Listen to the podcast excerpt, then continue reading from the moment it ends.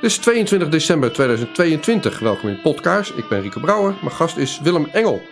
Want uh, nou, precies een maand geleden stond hij voor de strafrechter. En dan over een maand is als het goed is de uitspraak in zijn zaak. Ik denk, nou, even bijpraten. Kijken hoe het gaat. Hallo Willem. Hi Rico. Hoe is Fijn het? dat je even tijd kon vrijmaken van je kerstboom. Ja, ja. Om uh, strafzaak te bespreken. Ja, we zitten halverwege de wachtperiode, zullen we maar zeggen. Ja. Daar gaan we daar nog meer over vertellen. Ja, precies een maand geleden, op 21 november, was, uh, was de laatste zitting. Nou ja, de voorlopig laatste zitting moeten we zeggen, want daar gaat het vandaag over. Ja, nou, nou weet ik niet meer precies wat die rechter zei. Die wilde de uitspraak doen rond deze tijd. En jij zegt, ja, dan zit ik nog op vakantie. Nou, je zit duidelijk nog op vakantie. Um, maar ja, die rechters gingen ook op vakantie. Dus de komende weken gaan ze niet echt heel veel meer doen. En dan op 9 januari wordt het onderzoek gesloten. Dus ik veronderstel dat ze dan de afgelopen maand nog iets aan onderzoek hebben gedaan. Als ze iets wilden doen, kan je me vertellen, is er iets gebeurd de afgelopen maand? Ja, er zijn heel wat dingen eigenlijk gebeurd. Dat, uh, afgezien van dat wat er uh, bij de zitting eigenlijk ter sprake kwam, heeft ons erop gewezen dat we zelf nog eens eventjes al het bewijs moesten nalopen. Toen hebben we nog meer fabrikage gevonden van wat we al hadden gevonden. Maar daarnaast zijn er uh, drie WOP-documenten boven tafel gekomen, drie tranches. één op 1 december en twee op 8 december. En daar staat ook heel veel bewijs in dat uh, ministers er persoonlijk bij betrokken zijn. Uh, dat de NSTV er persoonlijk bij betrokken is. Of in ieder geval actief een weekrapporten maakt over Willem Engel en viruswaarheid. Ja. Uh, en nog wat andere interessante details. Uh, vandaag hebben wij een bevestiging gehad van ons vermoeden dat er uh, intensief contact is geweest tussen Dikkeboom en het OM. Ja, dus eigenlijk alles wat we claimen en, en de onderbouwing van de, de onderzoeksvragen en het horen van getuigen zijn nu er nog eens bovenop gekomen. Ja, oké, goed zo. Nou, ik, ik heb je gevraagd om verder te praten naar aanleiding van die zitting, omdat jij eh, eh, eh, de claim maakt dat het OM bewijsvervalsing doet. En dat heb je ook in die rechtszaak proberen te, illustreren op een monitor die dan ver op de muur hing. En, dat en dat moest je dat heel snel doen, want je, maar, je had maar een half uurtje. Volgens mij maakt hij het punt wel, maar ik wil het nog een keer dat je het bij mij maakt. Van wat, wat was dan de oorspronkelijke tweet bijvoorbeeld? En hoe heeft, heeft het Openbaar Ministerie daarin zitten typen, zodat het lijkt op een andere betekenis?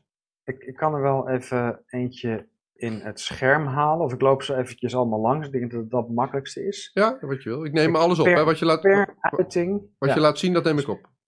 Ja, dus per uiting en tweet hebben ze uh, verschillende methoden gebruikt om of de context te veranderen, uh, of de betekenis te veranderen, of letterlijk inderdaad wat je zegt al, te knippen en plakken in de tweet, dus stukken eraf te halen of ja. leestekens verplaatsen, et cetera.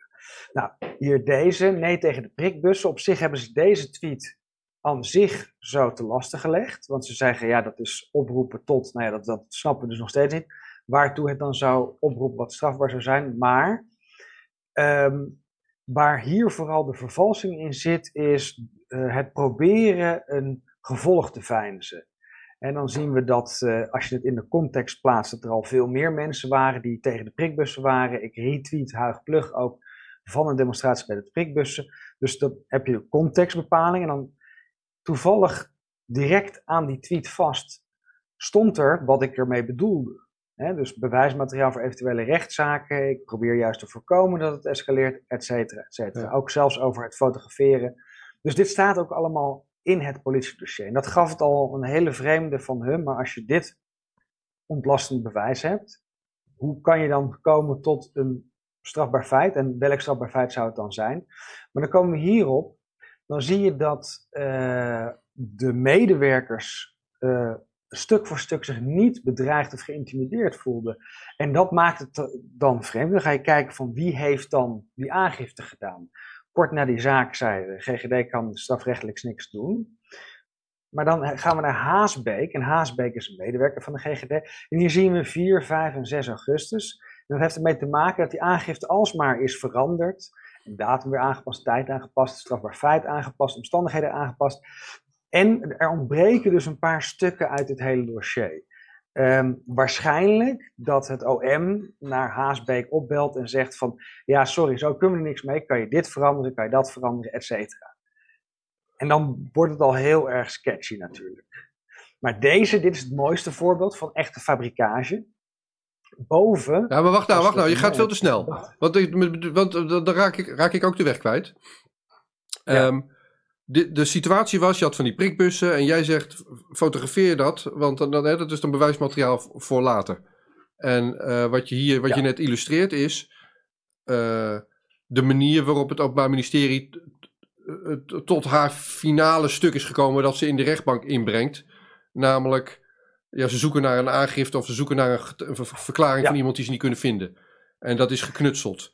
Uh, klopt, en dan komen ze bij een aangifte die in principe niks dus kan, want het klopt niet met de feiten. En oefenen ze dus kennelijk druk of stimuleren ze degene die aangifte heeft gedaan om het zo te veranderen dat ze er misschien wel wat mee kunnen via ja. getuigenverklaringen. Dus ze proberen achteraf een nieuwe context te geven aan het feit. Ja. En dat is, de, dat is de meest softe verandering, en dat zie ik net heb laten zien. Okay. Maar allemaal zijn ze veranderd. Overal is ingeknipt, overal is wat mis mee. Oké, okay, top. Nou, dankjewel voor dat. Uh, trouwens, dat niet, niet, niet voor dit gesprek, maar wel in, in de context van jouw zaak, denk ik, hebben we de uitspraak van David Icke. En uh, ja. het, het enkele feit dat iemand wat hij zegt zou kunnen interpreteren en denk, zou kunnen denken: oh, ik ga wel iets gewelddadigs doen. Dat, ik, ik, ik meen dat dat er ligt onder uh, de, de argument van: uh, nou, ik mag inderdaad twee jaar Europa niet in. Hoe, hoe, ja, hoe... Dat, heet, dat heet stochastisch terrorisme.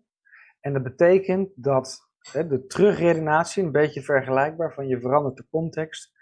Dus het idee is dan dat als iemand iets zegt wat andere mensen op strafbare gedachten of gedachten aan strafbare feiten kan zetten. Dus die gedachten oproepen, als je een groot genoeg achterban hebt, zit er tussen die honderdduizenden mensen vast wel één gek die daaruit destilleert dat hij een strafbaar feit moet plegen en daadwerkelijk een aanslag pleegt. Dat is het idee van stochastisch uh, terrorisme. En dit is precies hetzelfde eigenlijk als wat met de COVID gebeurt, namelijk statistiek totaal misbruiken en daarmee correlatie en causaliteit. Oké, uh, oké, okay, okay, maar ik wil bij jouw zaak blijven. Mijn punt is, ik ja. hoor jullie altijd zeggen, jullie, jou en Jeroen, bij opruiing moet je, een onderdeel van dat strafbaar zijn van opruiing is dat, het, dat, ze, dat moet aangetoond worden dat het een concreet, duidelijk ja. ding is en niet een, een eventuele interpretatie van iemand in die honderdduizend. Klopt. En daarom zijn dit soort oprekkingen uh, zo problematisch. Ja. Want wat ze nu proberen is steeds die grens wat verleggen. Ja. Um, in mijn zaak uh, werd ook in de laatste zitting opeens uh, het over een andere boeg gegooid door het OM. Om te vragen om deze straf omwille van een principiële zaak, zodat de lijnen van waar het strafbaar is of waar het over de vrijheid van meningsuiting gaat, helder te krijgen. En dat, dat noem je eigenlijk een soort proefproces. Maar daar hoef je iemand natuurlijk niet voor uh, in het gevangen te zetten, buiten heterdaad te arresteren, meer dan 100 dagen voor arrest vragen en uh, af te luisteren op drie telefoonnummers en dat dan te gebruiken om hem buiten de media aan te houden. Hè. Dus dat is opeens helemaal, nou ja, geen 180 graden, maar 150 graden gedraaid over waar het hier over gaat. Nou, ja, ik, ik geloof ook dat het woord proefproces misschien wel van toepassing is. Te, tegelijkertijd, uh, ja, dat is, dat is hè, zoeken waar die grens, een, een, een, nieuw, nieuw proces, nieuw presidentschap of zo, een beetje op die manier. Omgekeerd doe, doe jij hetzelfde met uh, inzichtelijk maken, althans, ik zag je inzichtelijk maken, dat het een soort samenzwering is van verschillende instanties die dat niet horen te doen. En dat je niet meer weet oh, tegen wie je moet verweren. Ja. En om die reden uh, wilde jij getuigen oproepen. Dat wilde ik ook, ook nog vragen. En dan wil ik verder gaan naar het bewijs van bewijsvervalsing ja. door het OM. Maar hoe zit het met die getuigenoproepen? Heb, je vindt dat je er recht op hebt, kan je dat onderbouwen? En, en hoe, hoe ver staan we daarmee? Ja, uh, we hebben aangegeven dat we nog een aantal getuigen wilden horen. Uh, en dat gaat dan voornamelijk over de politici die zich met de zaak hebben bemoeid. Dan hebben we het over uh, Frank Weerwind, Dillinger Silgus en Pieter Jaap Albersberg. En er werd van beweerd van nee, maar deze mensen hebben daar helemaal niks mee te maken. En nu hebben we bij alle drie de onderbouwing dat ze er, zich er wel persoonlijk mee hebben bemoeid. Dus uh, die zullen we uh, vragen als getuigen. Maar ook de aangevers, hè, wat het voorbeeld wat ik net liet zien met Haasbeek. Daar is dus ook over en weer contact geweest tussen de aangever en het Openbaar Ministerie. En het moet natuurlijk niet zo zijn dat omdat het Openbaar Ministerie een politiek doel heeft, mensen gaat verleiden om een valse aangifte te doen. Want dat is eigenlijk waar we over spreken. Hè? Dus dan heb je een via een backdoor, doe je de vervalsing eigenlijk. Ehm, dus al die mensen moeten ook gehoord worden die een aangifte hebben gedaan. Hè? Erik van Daal heet volgens mij, dat is van het verzorgingstehuis. En doordat we al die onderliggende stukken hebben gekregen, hebben we ook een beter beeld in wie die aangevers zijn. En het zijn eigenlijk allemaal mensen die op een of andere manier voor de overheid werken ook nog eens. Oké. Eh, ik zou verwachten dat, dat het afgelopen maand voortgang zou hebben gehad, want je hebt dat ter, ter zitting gevraagd al. Uh, en 9 januari wordt het gesloten. Ja, we gaan allemaal kerstmis vieren. Dus hoe, hoe, hoe, hoe, ga je dat regelen dan of zo? Hoe, gaat dat naar de rechtbank toe? Ja, in principe deze week sturen we een brief in met uh, de vraag om samen te komen. Want het is inmiddels duidelijk dat het OM vele misdrijven heeft gepleegd. Dus we kunnen ook afspreken dat we direct gaan schikken en dat het OM schuld bekent. Um, daarnaast willen we uh, de zaak heropenen, of uh, hij is nog open, maar Niet sluiten. er zijn nu zoveel, er zijn dus nu zoveel nieuwe stukken ingekomen dat we daar nog een hele zitting voor nodig hebben. En ook alle getuigen die we willen horen. Dus uh, ja, helaas gaat het langer duren. Oké. Okay. Ja, dat hoop je. Als, als, als de rechter zegt, ja meneer Engel, dat is een goed punt. We gaan inderdaad langer onderzoeken. Of niet? Ja, maar dat kan eigenlijk niet anders. Hè. Dat, dat, wat we ook hebben, we hebben de uitzendingen van alle zittingen hebben we even achter elkaar gezet. En dan zie je heel duidelijk dat het OM uh, ontkent dat er contact is geweest met de AFD, NSTV of het ministerie. En dat, is nu, dat staat nu vast. Dus ja. ze hebben mijn eet gepleegd. Hè. Dat moeten we niet te licht nemen. Of uh, Openbaar Ministerie, waarbij meerdere officieren, wetende dat het vals is wat ze vertellen, toch liegen. Hè. Dat zijn, dat zijn vrij fikse misdrijven. En dat ga jij in je brief schrijven naar de rechtbank uh, deze week? Ja. Ach, leuk. Oké, okay, top. Dankjewel voor dat. Nou, kun, kun je een uh, volgend voorbeeld maken van waar die, waar die vervalsing ja. door, door het Openbaar Ministerie in zit? Ja, en dit is denk ik het, uh, het beste voorbeeld van echt letterlijk knippen en plakken. Dus als jullie het kunnen zien, boven bij het eerste gedachtenstreepje is, dat staat zo op de dagvaarding van dit wordt te lasten gelegd. Dan staat er aanhalingstekens openen. Weet iemand nog een adresje waar ik mijn boosterinfectie kan halen? Punt. Het is je plicht, nu vaststaat dat de prikjes compleet mislukt uh, zijn, te zorgen voor zoveel mogelijk infecties. Punt. Bij het jongere segment, tussen haakjes, onder de 70, haakjes sluiten, uh, zonder gezondheidsklachten, punt, dat is naast de liefde, aanhalingstekens. Nou, waarom ik al die leestekens mee voorlees, gaat over datgene wat daaronder staat. En dat heeft ook te maken met de vorm van platform, hè, met social media, en het is heel visueel. Wat je hier ziet is dat er meerdere leestekens zijn verplaatst. Ten eerste is er een heel woordje, quote, in hoofdletters met een dubbele punt, uh, weggehaald. En wat hier eigenlijk staat is, ik heb van een ander platform, ik denk dat het Facebook of YouTube was, um, een quote van iemand gekopieerd naar Twitter. En dat heb ik erbij gezet, quote. Dus ik quoteer iemand alsof ik iemand retweet. En daarna krijg je een carriage return. En dan geef ik mijn mening erover. Maar kijk ook waar die aanhalingstekens staan. Die staan dus niet om mijn uitspraak, die staan om de uitspraak van de quote heen. Dus hier kan, en hier zie je het verplaatsen van leestekens, het weghalen van woorden. Opeens komt er nu een andere betekenis. Het eerste lijkt het net alsof ik vraag waar ik een adresje kan vinden voor een boosterinfectie. De Willem wil het. En dat, dat ik dan zeg, is. Ja. ja. En het tweede is, iemand vraagt dit en mijn antwoord is, het is je plicht, nu vaststaat, dat de prikjes compleet mislukt zijn, te zorgen voor zoveel mogelijk infecties. Bij het jonge segment onder de 70, zonder gezondheidsklachten, dat is naast de liefde. En dan wordt het een ander verhaal. En waarom ik dat aanhaal van uh, de context eigenlijk, als we dan kijken, oh, dit gebeurde ook bij mij, zeg maar. Mijn tweet wordt ook weer geretweet door anderen ja. met uh, het commentaar op mijn tweet. Uh, en dan gaan we ietsje verder terug, uh, 14 augustus. Dus deze discussie over de boosterinfectie was niet iets wat ik de wereld in hielp. Er waren daadwerkelijk mensen, maanden eerder, die het hierover hadden in samenwerking met de QR-code. Want daar ging natuurlijk de hele tweet over. En dit was een levendige discussie, was ook duidelijk waar die over ging. Herstelbewijs na 180 dagen met een positieve test vervalt hij. Je wil weer positief worden voor een QR-code, dan hoef je niet te prikken, et cetera, et cetera. Hier staat, ben op zoek naar een COVID-donor. Ja, dus hetzelfde beetje als uh, het adresje voor een boosterinfectie. Al deze context werd niet genoemd in, in de rechtbank. En, nee, en dat, dat maakt het ook moeilijk. En ik heb het zelf wel allemaal voorgelezen. Maar dat is het verneukeratieve en waarom opruimingszaken puur over social media eigenlijk verboden moeten worden. Um, nou ja, als je, nee, je kan wel opruimingszaken hebben. Je kan wel opruimingszaken hebben. dan, als moet je... dan moet hij heel duidelijk zijn van schiet die dood of, ja. uh, of verniel dat. Oké, maar dit soort dingen, ja. waar, waarbij de betekenis van de, van de oproep of suggestie of vraag uh, zo contextafhankelijk en gevoelig is, dat je hem niet eens meer nu kan beoordelen, omdat hij in die tijdgeest thuis hoorde van de QR-code bijvoorbeeld.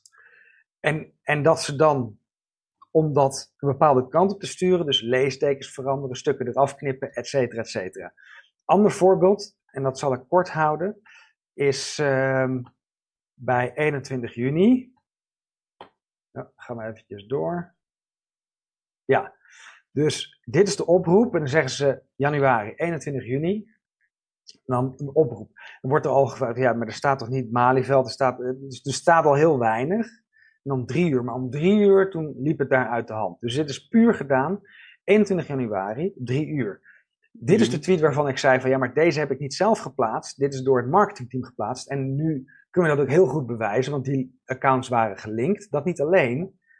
De uh, onder, uh, onderzoekend regisseur, die zag dat ook. Van hé, hey, uh, het lijkt wel alsof hij um, heeft, meer heeft gepost. Maar waar dit over gaat, is van hé, hey, via de Wayback Machine hebben we dit bewijsmateriaal verkregen. Dan gaan we kijken en dan zien we 21 juni, 3 uur pm. En daaronder is het commentaar. En hier zie je weer hoe belangrijk die context is. Iemand vraagt, 21 juni is toch juist afgelopen? Volgens mij is het een autotweetje. Nou, dan weet je als regisseur eigenlijk al genoeg van, hé, hey, wacht even, wat is hier aan de hand? En dan gaan we kijken, de tweet die nu mij te lasten wordt gelegd, is in werkelijkheid op 22 juni geplaatst. Voor een oproep van 21 juni. Ja.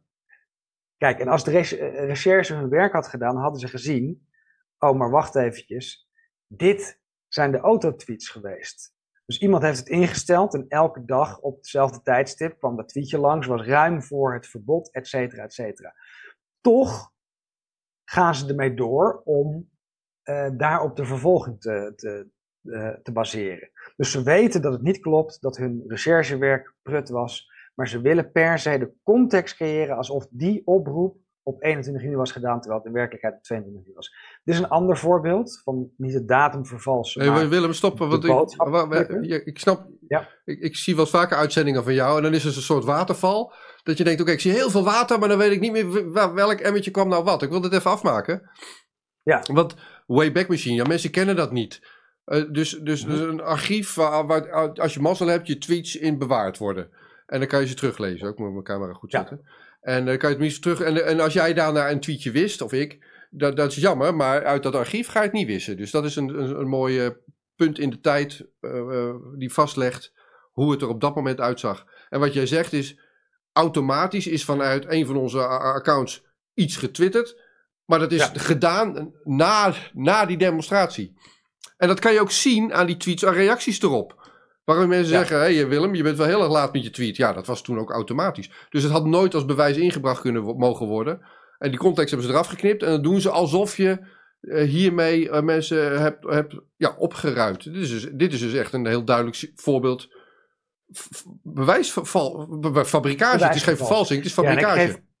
precies, fabricage. Dus ik heb nu drie voorbeelden gegeven in de context veranderen de aangever onder druk zetten, leestekens veranderen.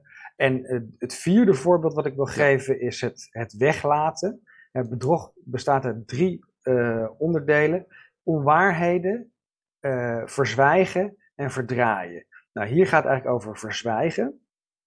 Dus we zien hier wat de last is gelegd aan de linkerkant van het scherm. En dan als je naar rechts kijkt, dan zie je een paar dingen. Namelijk, als je hier zegt kom in liefde, kom in liefde. Hey, maar dat is pas de helft van het bericht. En daarna gaat er nog een heel bericht verder over wat wij dan verstaan onder naar Den Haag komen. En dan zie je, we houden een waken. We roepen daarom iedereen op om op zondag aanstaande naar het plaatselijk stadhuis te gaan. En daaronder zie je weer een filmpje van Morrie. die zegt de rechter, of de burgemeester in dit geval, want we waren nog niet naar de rechter geweest, die heeft de demonstratie van liefde verboden. En als je dit er allemaal afknipt, ja, dan kom je naar een andere boodschap toe. Hè? Dus, dus hoe verder je knipt, ja. als ik zeg, uh, beter dat je uh, niet in de sloot springt. En ik knip het woordje niet weg, ja, dan krijg ik de, de 180 graden omgedraaide betekenis ervan. Ja, zeker. En als je de betekenis die jij eraan geeft, je geeft expliciet een betekenis eraan. Je zegt, we doen iets met bananen ja. of voor bananenrepubliek, of we doen iets met bloemen, liefde voor een gemeentehuis of een lokaal gemeentehuis en niet per se naar het Malieveld. Als je die context eraf knipt, dan creëer je dus de ruimte voor eigen interpretatie van die 1 op de 100.000 waar we mee begonnen. Uh, en, en zo maak je het. Godsamme. Maar dan moet de rechter toch ook zien, zou je zeggen? Ja, maar kijk, ik, ik hoop elke keer op een rechter die, uh, die rechter is en niet een lakai. Maar tot nu toe hebben we er natuurlijk weinig van gezien. Hè. We moeten de, de rechtspraak vooral niet serieus nemen. Het is een schoothondje van, het, van de macht. En, en dit proces waar we nu in zitten, en ik ben natuurlijk niet de enige, hè, er zijn tientallen zoals ik die dit soort processen meemaken. Alleen ik krijg iets meer aandacht en we hebben het iets uh, uh, beter uh, geanalyseerd. Um, maar dan zie je, dit is een herhaling van Kafka, The Trial. Ja. Ik heb, ja, we, we, weten inmiddels dat dit de werkwijze is van het OM. Hè. Laten we 23 maart 2020 niet vergeten. We hebben het keiharde bewijs van het samenspannen van vijf overheidsdiensten die allemaal een beslissing nemen op diezelfde dag die iets te maken hebben met mijn strafzaak. Nou, dat is, ja, dat is ook weer een juridische vraag. Ik, ik snap je punt en ik heb je dat horen maken in de rechtszaal. En dat heb je, heb je, heb je netjes gedaan. Dat is volgens mij. Uh, maar ja, ik kan me voorstellen. Ik, ik veronderstel dat de rechter zegt: ja, jammer, uh, Engel. Maar uh, ik bedoel, als je een probleem hebt met het OM, dan doe je daar maar aangifte tegen. We hebben het nu even over jou. Dus, ja, en, en dat is het fijne dat ik heel veel aangiftes heb gedaan. Want in die aangiftes geven ze dan ook antwoorden op aangiftes, bijvoorbeeld die ik naar ja. bepaalde academici heb gedaan, omdat zij aan het opruien waren.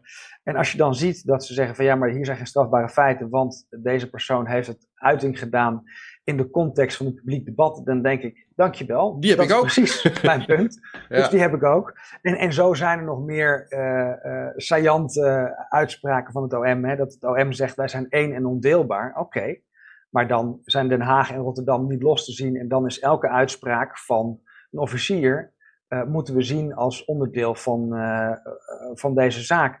En in dat laatste bericht over mijn aanvaller, um, redeneerde de advocaat-generaal van ja, maar hè, we kunnen best voorstellen dat het bedreigend is als, als er iemand bij je thuis komt en al foto's maakt, maar toch zagen ze daar geen bedreiging in. Terwijl mijn aanvaller daadwerkelijk mij heeft aangevallen en de deur probeert in te beuken. Maar het mooie is, daarmee ondermijnen ze natuurlijk volledig de, uh, de, de juridische gedachte over tot wat er dan zou zijn opgeruimd. Ja, duidelijk. Nee, ik heb je juridisch journaal uh, gezien. Ik zal hem ook hieronder uh, linken. Kunnen mensen verder kijken. En ook de analyse die jij hebt gemaakt. Maar die gaat zo snel, hè? Van, de, van al die, al die vervalsing dingetjes die het Openbaar Ministerie ja. deed. Uh, is heel waardevol om terug te zien. Ja, oké, okay, top. Dan, dan wacht, dus jij gaat een brief sturen. En dan, ja, maar die mensen zijn allemaal aan het skiën natuurlijk. Dus daar moet je op wachten tot het begin januari is, denk ik. Of niet? Eh, dat denk ik ook, maar het is geen probleem. Ik, uh, ik ben hier lekker op vakantie en ik vind het niet erg om dat nog iets langer te doen. Nou, vertel eens dan, want ik zit hier, hier is het koud en donker ja. en nat. Hoe is het bij jou? Ja, nou ja, voor Fuerteventura is het ook nat, maar uh, elke dag stralende zon natuurlijk, tussen de 20 en 30 graden. En ja, het is heerlijk. Dit is een beetje lenteweer als het winter is in Europa. En ja, de zomer is de zomer. Ja, ik ben een beetje jaloers, ja. hey, oké. Okay. Nou, wens ik je een hele fijne kerst. En uh, zie ik je volgend jaar. Ja, tot volgend jaar. Dag Willem. Het gaat hier vandaag over saamhorigheid. Dagje zonder hemel. Normaal maken is wat niet is normaal. Every nation maar blauwe in every region now has a decision to make. Decision to make. Decision to make. En dan ook geen hel meer. You think I'm joking? Predator drones. Dat is best makkelijk. You will never see it coming. Wat dacht je alle mensen? Laat staan dat ik eh, kan ingaan over vuur. Bezig met vandaag.